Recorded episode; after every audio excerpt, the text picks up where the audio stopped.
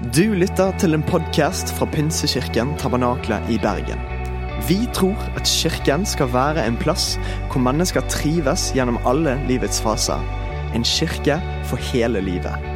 Ønsker du å bli bedre kjent med oss eller holde deg oppdatert? Besøk vår Facebook-side eller ptb.no. Her er ukens tale. Si noe til i dag som, eh, som ikke bare gjelder for denne søndagen, her, men som kan gjelde noe i morgen også på mandagen.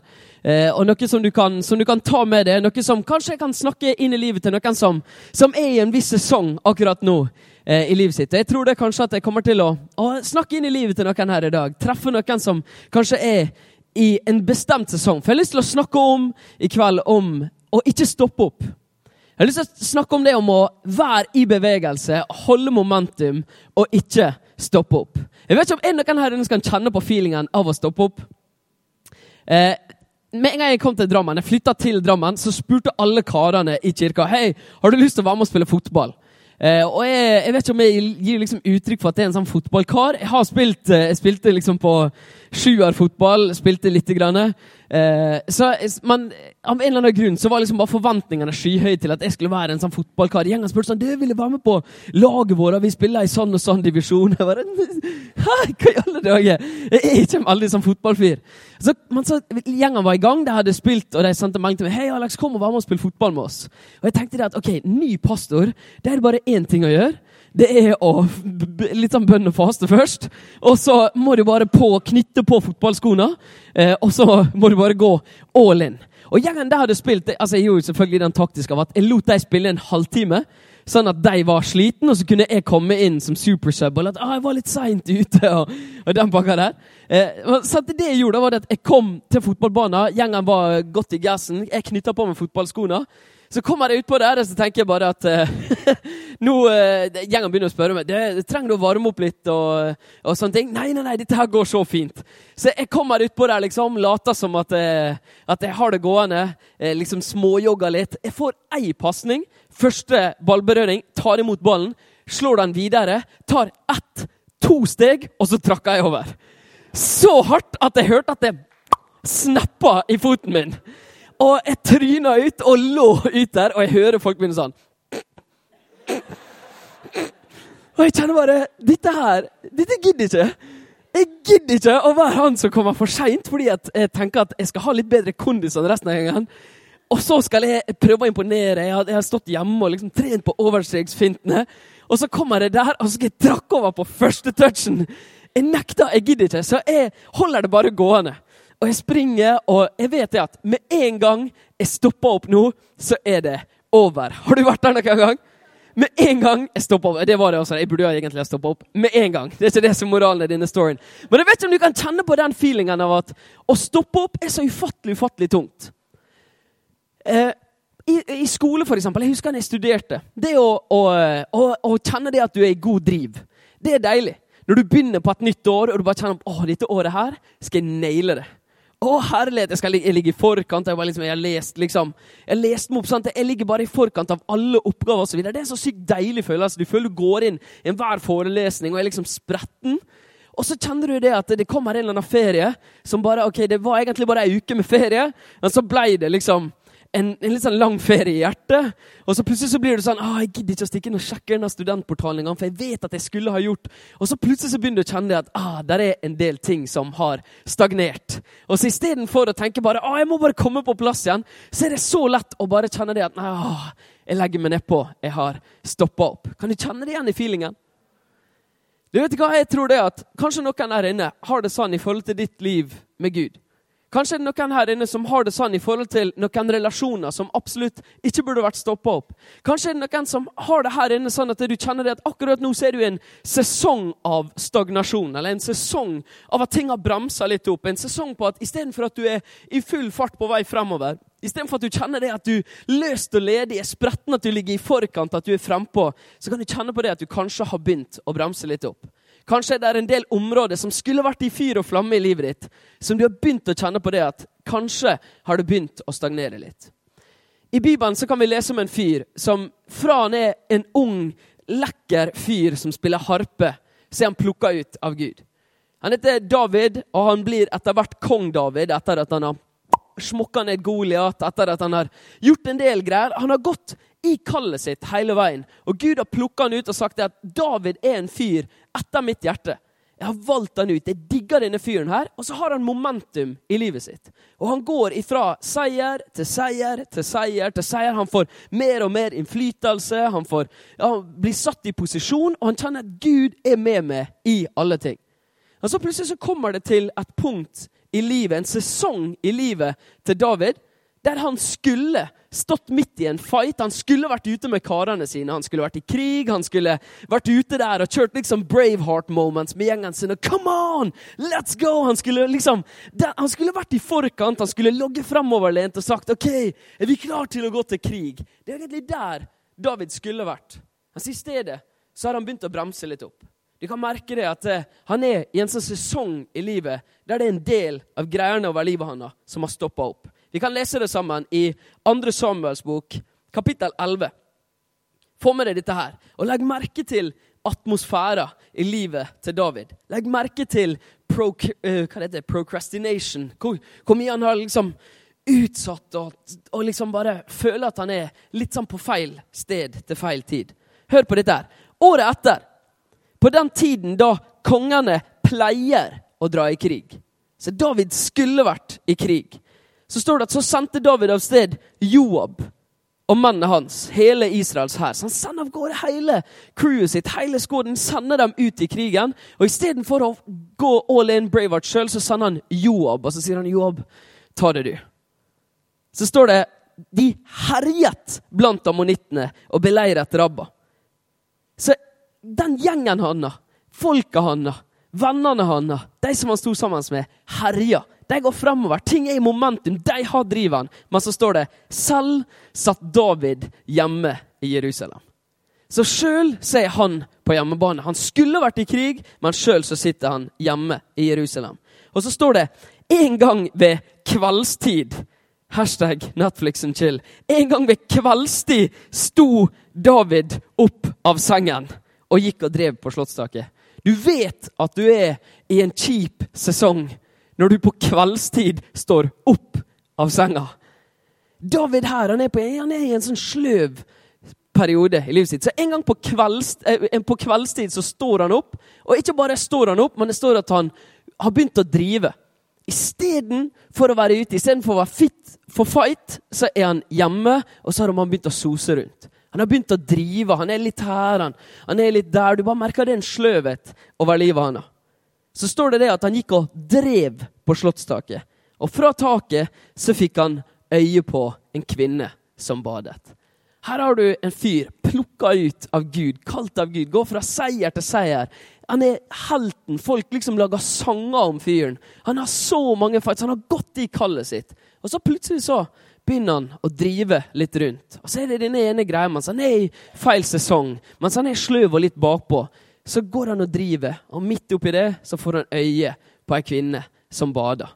Og Istedenfor å være ute i fighten, så tar han noen av de største feilstegene han har gjort i hele livet sitt. Han ender opp med å ligge med henne her, som han har sett bade naken på et tak. Han finner ut ah, crap, hun er jo gift med en fyr, og så sender han ektemannen ut i krig for at han skal bli drept, osv. osv. Dette var heldigvis ikke slutten for David. David fikk lov til å, å, få ting i orden igjen og komme på plass igjen. Han skrev en del nydelige salmer som du kan lese i etterkant av å skjønne Gud, ta meg tilbake igjen til det.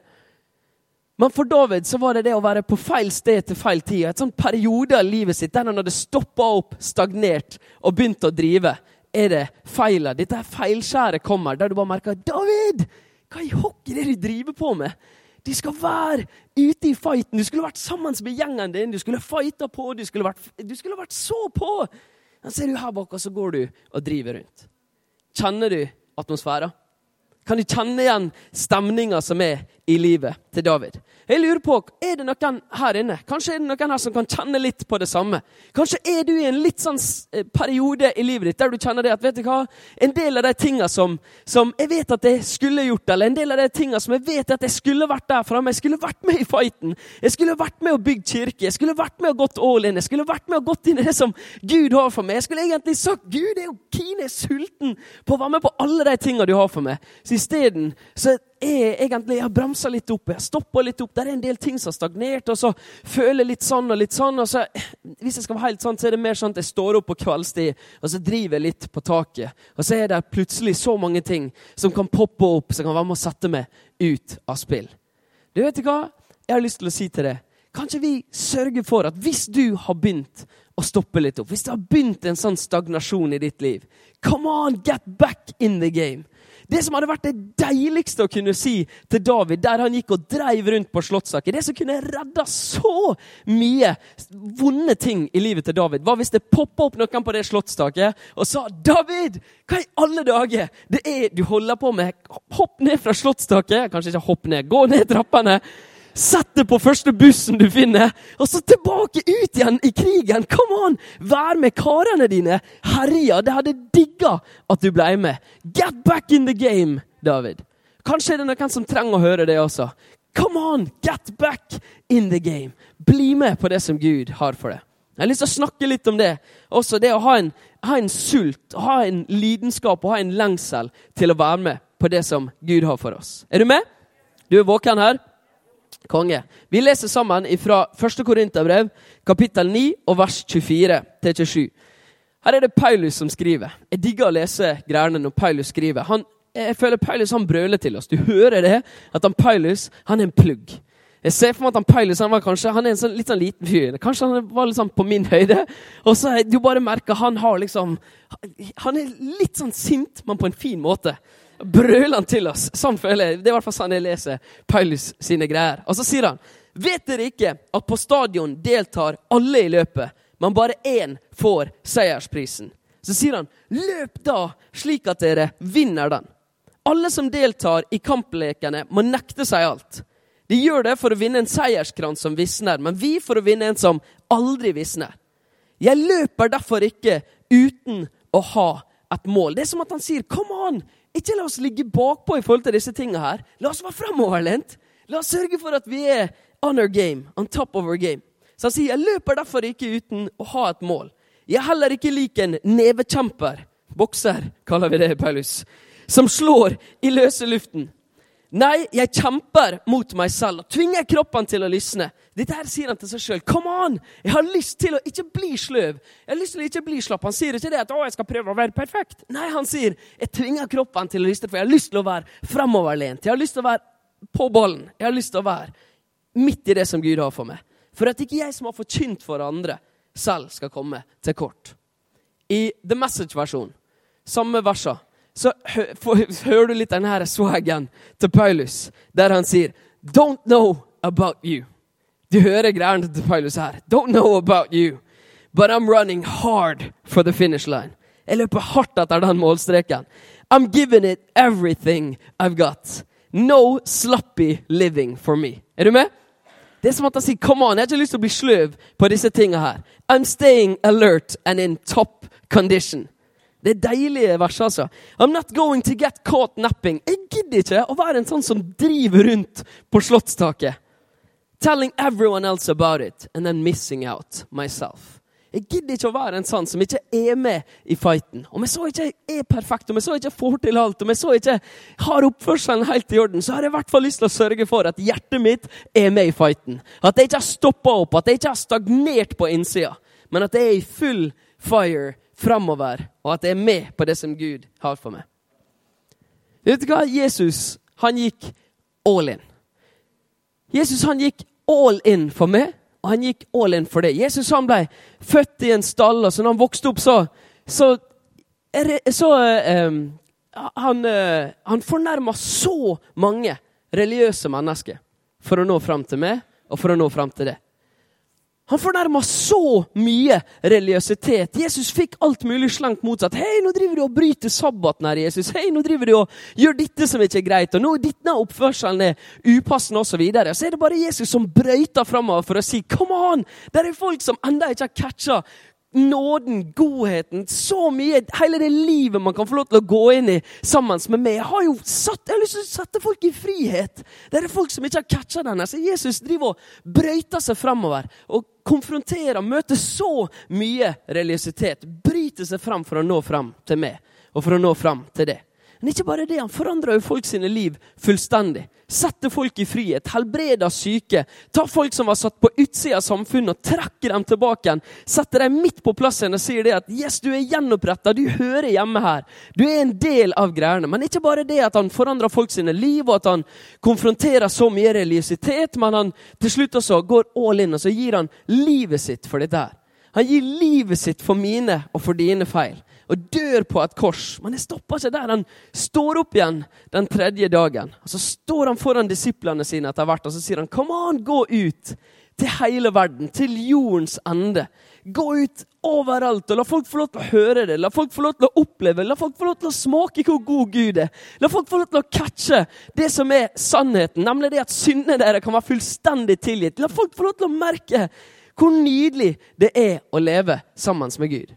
Og Da irriterer det meg at jeg så ofte kan ha en litt sånn sløv holdning i at ja, i dag så skal jeg gå i kirka, jeg kan stikke innom. Og så har jeg bare en sånn ok, Av og til så liksom, ja, jeg, jeg setter meg ned og jeg begynner å evaluere en gudstjeneste. og Jeg hører en tale og jeg spiser ei vafle. og så, ja, så liksom, Er det plutselig det som er blitt å, å være en kristen? Så er det som at Av og til så føler jeg at Jesus får lyst til å røske tak i meg og si Come on, det er så mye mer, Alex! Kom an, våkne opp, vær med på det som jeg gjør. da. Vær litt sulten. Om den sulten har begynt å stilne, Alex, sørg for at sulten kommer tilbake igjen. Jeg elsker det å kunne få lov til å ha den holdninga, eller se folk som har den holdninga, av at Jesus, hvis du har lyst til å gjøre noe i denne byen, så ta med meg. Jeg vil være med. Jesus, hvis du har tenkt til å gjøre noe, forandre denne byen, hvis du har tenkt å forandre studenter, hvis du har tenkt å forandre miljø, hvis du har tenkt å forandre familier i denne byen her, vær så snill, Jesus, la jeg få lov til å være med. Er du med? Er det noen her inne som liker lidenskap? OK. Er det noen her inne som liker lidenskap? Deilig.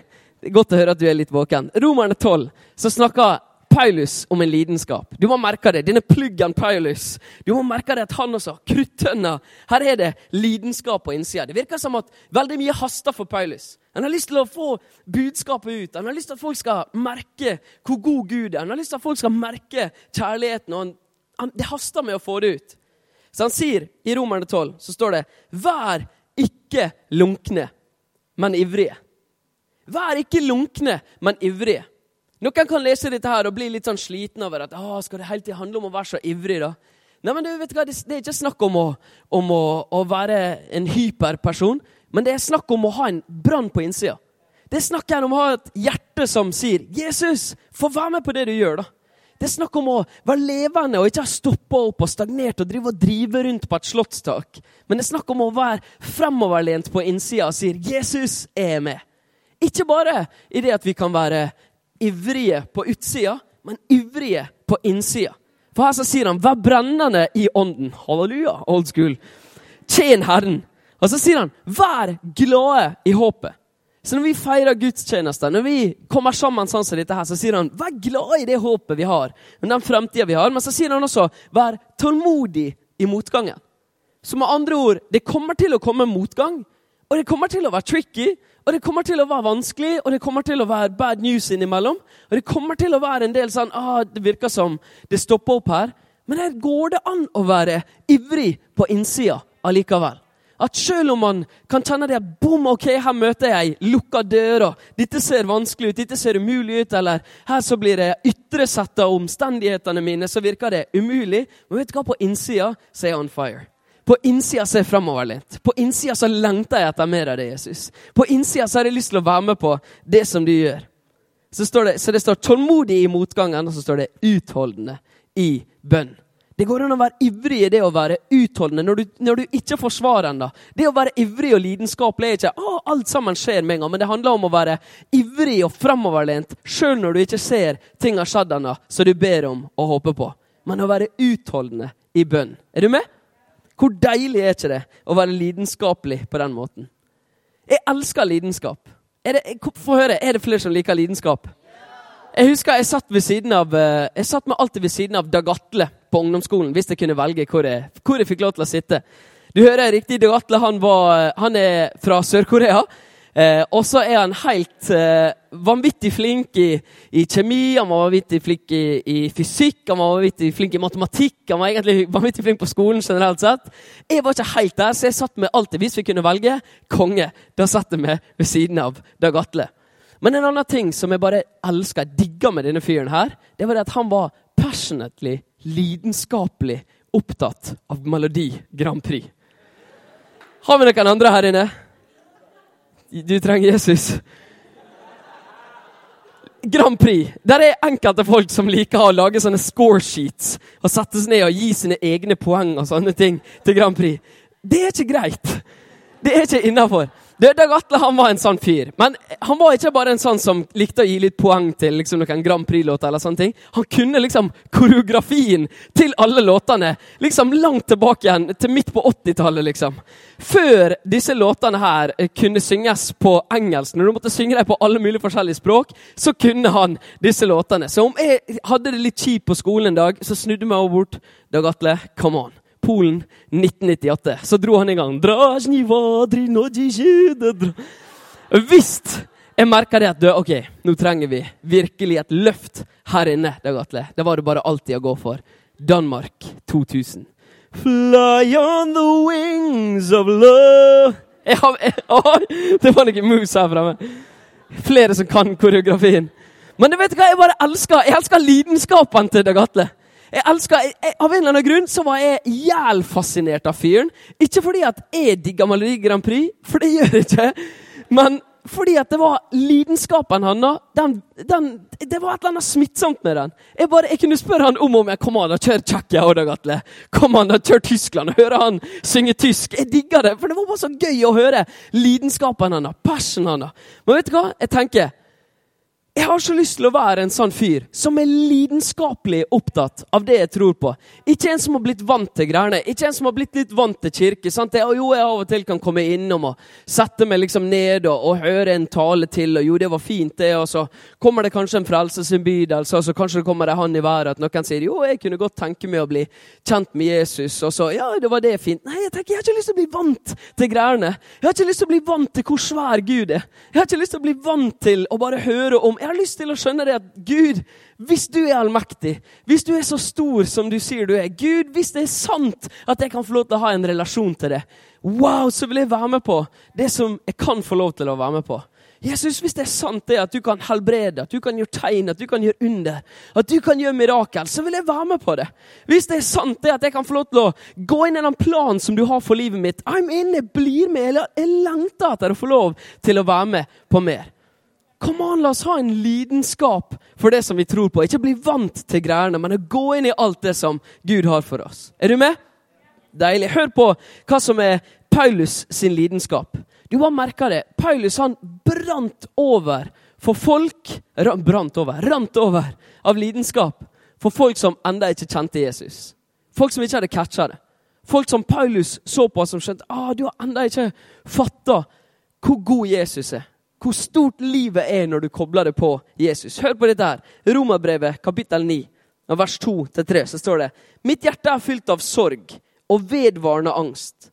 Jeg føler slik når jeg tenker på mitt eget folk, mine jødiske brødre og søstre. Jeg skulle heller ønske at jeg selv gikk evig fortapt og ble skilt fra Kristus, om det bare kunne frelse de andre. Paulus som, som sier jeg, jeg, hadde vært villig til å gått så langt som du bare er villig til å gå. Om gjengen min, om min vennegjeng, om mine kollegaer, om de rundt meg bare kunne få lov til å oppleve litt av det som jeg har fått oppleve. Om de rundt meg bare kunne få lov til å catche litt av det som jeg har fått lov til å catche. Er du med? La oss ikke være en gjeng som har blitt vant til ting. La oss ikke være ei kirke som er blitt vant til gudstjenester fylt med unge folk. La oss være en sånn gjeng som sier, 'Jesus, hvis det er mer, så vil jeg ha tak i det.' 'Jesus, hvis jeg kan få oppleve bønnesvar, så vil jeg ha dem.' 'Jesus, hvis jeg kan få bli med på det som du bygger, så regn med meg.' Ting som kan få oss til å stoppe opp. Går det bra om jeg nevner noen sånne ting? Jeg tror det at En av de tingene som kan få oss til å stoppe opp, det kan være komfort. Komfort det er når ting begynner å handle om oss sjøl. Når vi begynner å, å, å tenke på liksom, hva får jeg ut av greiene. Hvordan, hvordan, kan jeg få mest mulig? Hvordan kan dette her begynne å handle om meg? Jeg vet ikke om det kan være sånn med det, men ofte hos meg så merker jeg at når jeg begynner å, å, å skal få alt til å handle om meg, så, begynner, så kommer, han, kommer, det inn en sånn komforttankegang som gjør det at hvordan kan jeg ha det best mulig? Hvordan kan, jeg, liksom, hvordan kan dette tilpasses meg? Og så plutselig så merker jeg at det skaper en sånn stagnasjon, en sånn stopp, en sånn brems, fordi at det, det begynner å handle om meg. Og Så kan jeg komme inn i en gudstjeneste sånn som dette her og tenke hva kan jeg få ut av dette her? Hva kan jeg få ut av det? Ja, jeg likte ikke den sangen, og jeg likte ikke den sangen, så jeg får ikke så mye ut av det. Nei, jeg har slutta å, å, å liksom gå så veldig ofte, for jeg føler jeg får ikke så himla mye ut av det. Jeg har hørt det ganske mange ganger at folk har kommet til meg og så sier de, nei, ja, vi gikk en del i, i liksom kirka sånn og sånn, men så slutta vi fordi vi får ikke så mye ut av det. Så jeg begynte å tenke det er en veldig veldig usunn og komfortabel, kjip tankegang. Istedenfor å snu fullstendig opp ned på det, og så sier de at det vet du hva, jeg er med og bygger denne kirka her. Fordi at jeg catcher det og skjønner det at det handler om Jesus. Det handler om å elske Gud, og så handler det om å elske andre mennesker.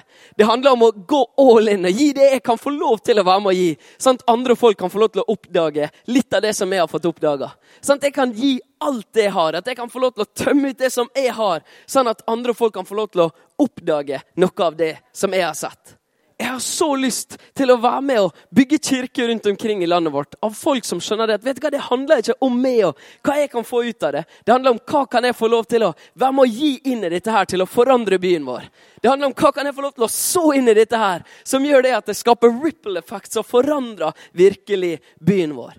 Plutselig så kan du kjenne på det at å ja, det er ikke så veldig komfortabelt. Og Der er en del ukomfortable valg også inni det. Men fytti rakkeren, det er spennende.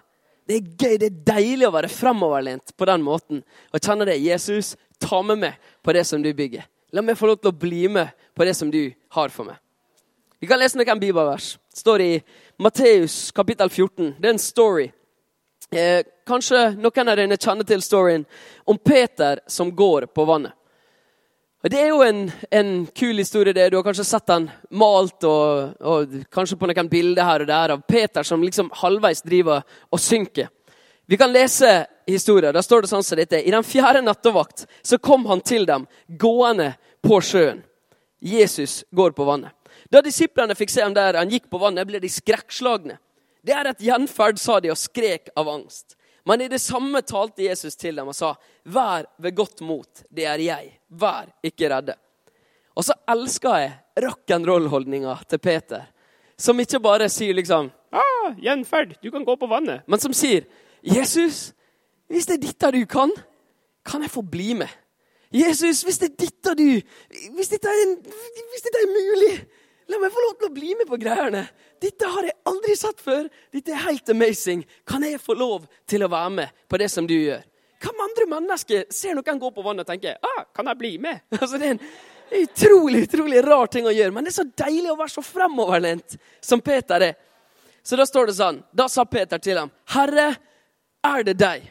Altså, Det er nesten som man ikke skjønner helt hva i alle dager det jeg ser på. Men Herre, er det deg, så si at jeg skal komme til deg på vannet. Si at jeg også skal være med ut på greiene. Jeg vil være med på det som du gjør. Og så sier Jesus, kom. Så sier Jesus, come on, bli med ut. Peter steg ut av båten og gikk på vannet bort til Jesus. Men da han så hvor hardt det blåste, så ble han redd. Han begynte å synke og ropte, 'Herre, berg meg!' Jeg tror det var sånn han ropte det.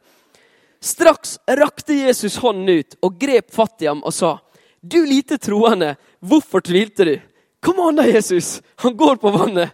Det er veldig urettferdig å si, 'Du lite troende, hvorfor tvilte du?' Og så står det, så steg de opp i båten, og vinden stilnet. Ofte når folk maler dette, her, eller når du har sett på dette, hvis du har vært i ei kirke som har liksom oljemaleri, og sånne ting, så er det alltid at liksom Peter litt sånn oppgitt står sånn halvveis i vannet og synker. Det irriterer meg at de ikke maler Peter som går på vannet. Det er utrolig mye kulere at han gikk på vannet, enn at han sank. Men Det er en, det er en helt annen greie. Men, men det at Peter her går all in, er så ufattelig kult. Men det er så lett å tenke her at Peter feiler. Man tenker det at ja, Peter han gikk på vannet, men så gikk det bare en liten stund, og så kom bekymringene, og så tenkte han ah, stormen og alt mulig. Og så begynner han å synke, og så må han liksom rope ut til Jesus. Og så tenker vi ja, Peter prøvde, men han feila.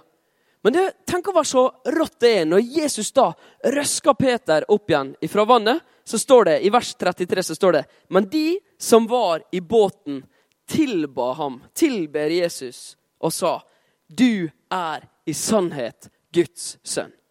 Du vet hva? Hvis vi tør å være en sånn gjeng som sier det 'Jesus, hvis det er dette du kan' hvis, det, hvis, du har lyst til å må forandre denne byen, hvis du tenker å utgjøre et eller annet her som jeg må forandre denne byen, så blir jeg med. Hvis vi blir en sånn gjeng som sier vi er med, vi blir med på dette her. Jeg er fremoverlent. Jesus, jeg vil være med på det som du gjør. Jeg er sulten, jeg lengter, jeg er lidenskapelig opptatt av å få lov til å bli med på det som du gjør. Vet du hva? Selv om du da skulle feile eller kjenne det at du synker i noe av det, så kan det virkelig få lov til å være en sånn story. Det er gjengen som er rundt. Det er gjengen som rundt omkring som, som, folk som du studerer sammen med, eller kanskje det er familie, eller kanskje det er noen venner som ikke tror, kan stå rundt og begynne å skjønne Wow, du, Jesus, er virkelig Guds sønn. Det handler ikke om at folka skulle liksom se det at Peter fikk det til. Det handler om at midt oppi hele greiene så så plutselig folk hvor mektig Jesus var. Istedenfor å være så redd for å feile, kan ikke vi være en sånn gjeng som sier 'Jesus, jeg vil være med på det som du gjør'. Jesus, hvis det er dette du kan gjøre, hvis du har lyst til å forandre Bergen, please, la meg få lov til å være med på det. Er du med?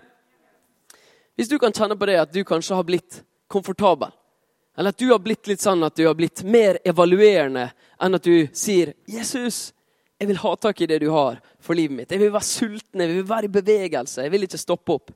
Hvis du kjenner på det at du har blitt komfortabel, eller du begynner å stoppe opp, så jeg har lyst til å utfordre det. Ta noen ukomfortable valg. Bestem det. Sett opp noen andre prioriteringer. Si det. Vet du hva, Om jeg så må steppe litt ut av komfortsona mi, så skal jeg være med og sørge for at jeg ikke driver rundt på slottstaket lenger. Men jeg har lyst til å komme meg tilbake igjen i fighten. Være med i krigen, komme meg på banen igjen og være med og fighte og spille.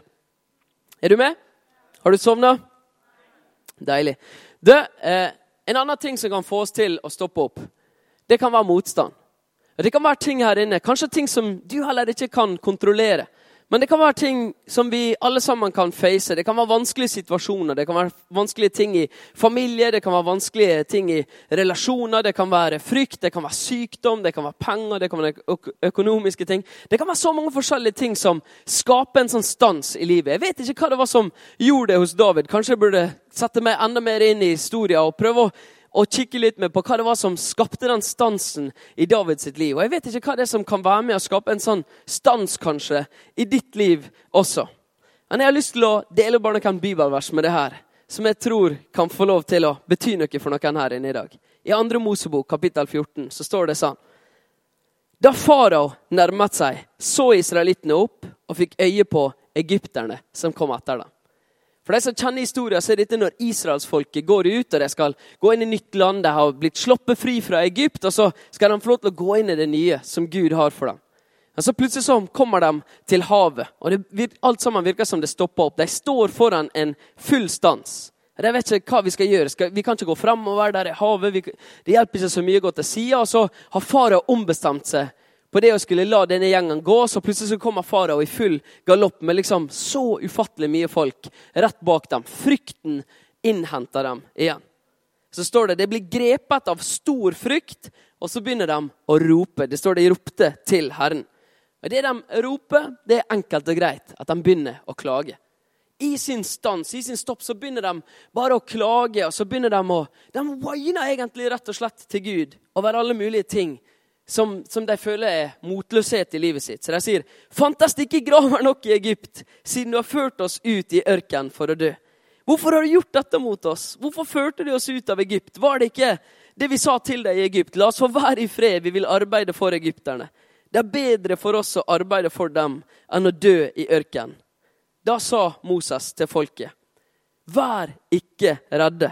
Stå fast, så skal dere få se at Herren frelser dere i dag.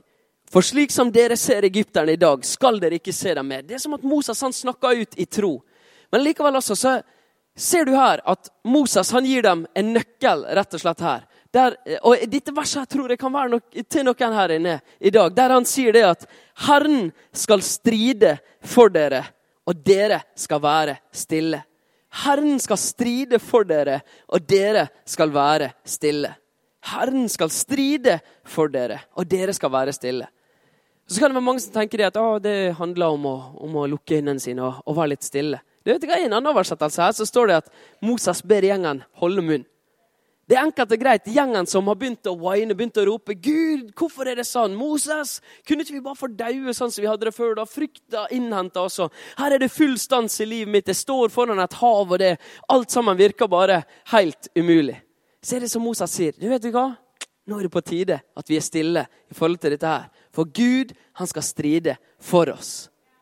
Men så stopper ikke det bare der, men det kommer ett vers til som jeg synes er helt nydelig. Det er kanskje også et vers til noen her inne i dag som kjenner på en full stans. At det, du står overfor At det virker som at det ikke går an å gå fremover, eller at du har datt helt bakpå. Så står det Herren sa til Moses, hvorfor roper du til meg? Hvorfor dere driver og roper opp hit til meg? Han sier, si til israelittene at de skal dra videre. Si til israelittene at de skal dra videre. Si til gjengen at de skal gå framover. Derifra så løfter Moses staven. Havet deler seg, og gjengen går igjennom det. Og Gud sørger for mirakelet som er foran dem. De kan gå gjennom tørt over til andre sida, og frykten druknes bak dem. Vet hva det er noen her inne som trenger, som kjenner kanskje på det at det er en stillstand, en stopp, en stagnasjon i mitt liv så tror jeg det at du trenger å høre det. at vet du hva? I forhold til noen av de problemene som du kjenner på, så kan du få lov til å være stille med dem. Og så er det Herren som kan stride for det, og så må du bare gå videre.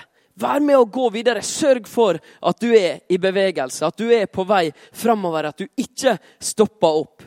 På samme måte som at David trengte å høre noen som sa 'David, get back in the fight'. Så er det kanskje noen her inne som trenger å høre det samme. Du som kjenner på det at det har stansa opp. Kom deg tilbake igjen og vær med i fighten. Kom deg tilbake igjen inn i det som Dersom du vet det at Gud er her, du vil at jeg skal være med og fighte og stride. Kan ikke lovsangsteamet komme opp, og så skal jeg ta og gå inn for ei landing? Når Peter opplevde Peter også, en av Jesus sine aller beste venner, en av de som gikk close på Jesus, han opplevde også en sånn full stans en full stopp i livet. Og det var enkelt og greit. Etter, altså, Peter hadde sett alt mulig. Han hadde sett helbredelse, han hadde sett folk bli satt i frihet. Han hadde sett alle mulige greier av å gå så close sammen med Jesus. Han hadde hatt en brennende lidenskap i å, i å leve all in og fullt ut for Jesus også.